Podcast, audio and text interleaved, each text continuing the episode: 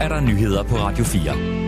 Det er tirsdag den 14. marts. Godmorgen. Spareiver og mildt vejr stiller Danmark energimæssigt bedre end frygtet frem mod næste vinter. Vinteren er lige slut, men inden for de næste måneder begynder man at fylde de to danske gaslager op igen. Her står man godt rustet ifølge chefstrateg hos Nykredit Frederik Ingholm. Vi ser en meget stor sandsynlighed for, at vi har bunende fyldte lager, når vi rammer næste vinter, siger han.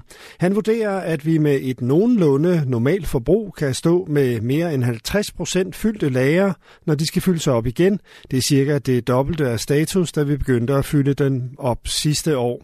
Det skabte frygt for mangel på gas, da Rusland efter invasionen af Ukraine langsomt lukkede for gassen til Europa.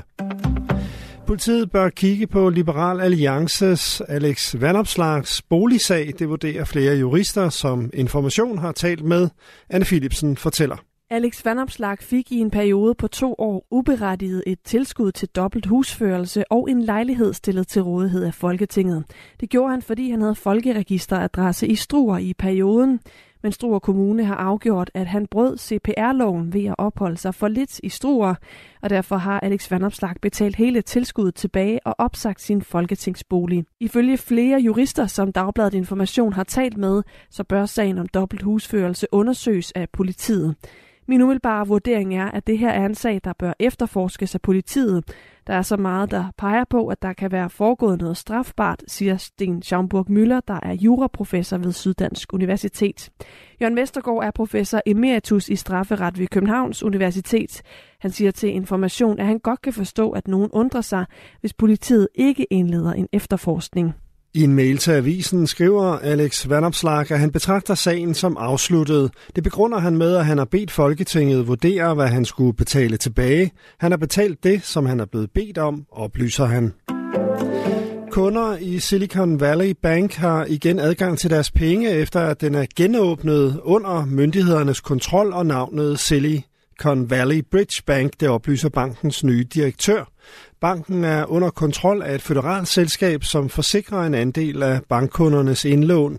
Direktøren oplyser, at samtlige kunder har fuld adgang til deres penge i banken.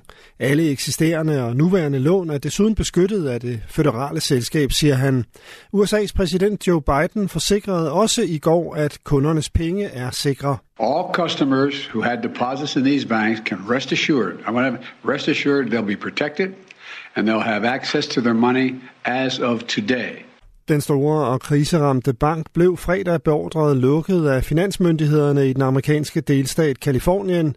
Det kaldes for det mest markante bankkrak siden finanskrisen i 2008. En tropisk storm i Malawi risikerer at forværre det koleraudbrud, som landet allerede har problemer med, som lyder det fra Røde Kors. Indtil videre er næsten 100 døde efter, at stormen ramte det østafrikanske land i weekenden. Men uværet bringer også risiko for kolerasmitte med sig, fortæller Eva Jordung Nicholson, landeschef i Malawi for Dansk Røde Kors. I, i øjeblikket så dør folk af, de drukner, husene kollapser, og hvis så koleren tager fart, og det ikke findes rigtig behandling, så kan vi se et meget, meget, meget hurtigt stigende dødstal, og regningen fortsætter. Stormen er en af de kraftigste, der nogensinde er registreret på jordens sydlige halvkugle.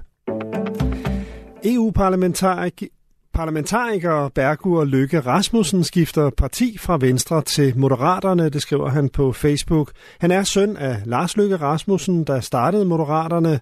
Bergur Lykke Rasmussen begyndte sin karriere i Venstre, da han som 17-årig meldte sig ind i Venstres ungdom i Græsted. Tilbage i 2019 blev han ved Europaparlamentsvalget første suppleant til Venstres gruppe. Efter at Søren Gade blev valgt til Folketinget i forbindelse med det seneste folketingsvalg i november, forlod han EU-parlamentet, og Bergur Løkke Rasmussen fik dermed fast plads i Bruxelles. Partiskiftet kommer ikke som en overraskelse, siger fungerende politiske ordfører i Venstre, Torsten Schack Pedersen. Nu handler det om at se fremad, og vi har med tre par parlamentsmedlemmer stadig en stærk gruppe, der vil kæmpe for Danmarks interesser i Europa-parlamentet, siger han. Først skyde med regn, men i løbet af dagen opklaring fra nordvest. Temperaturerne falder til mellem 1 og 5 grader, jævnt til hård vind fra sydvest.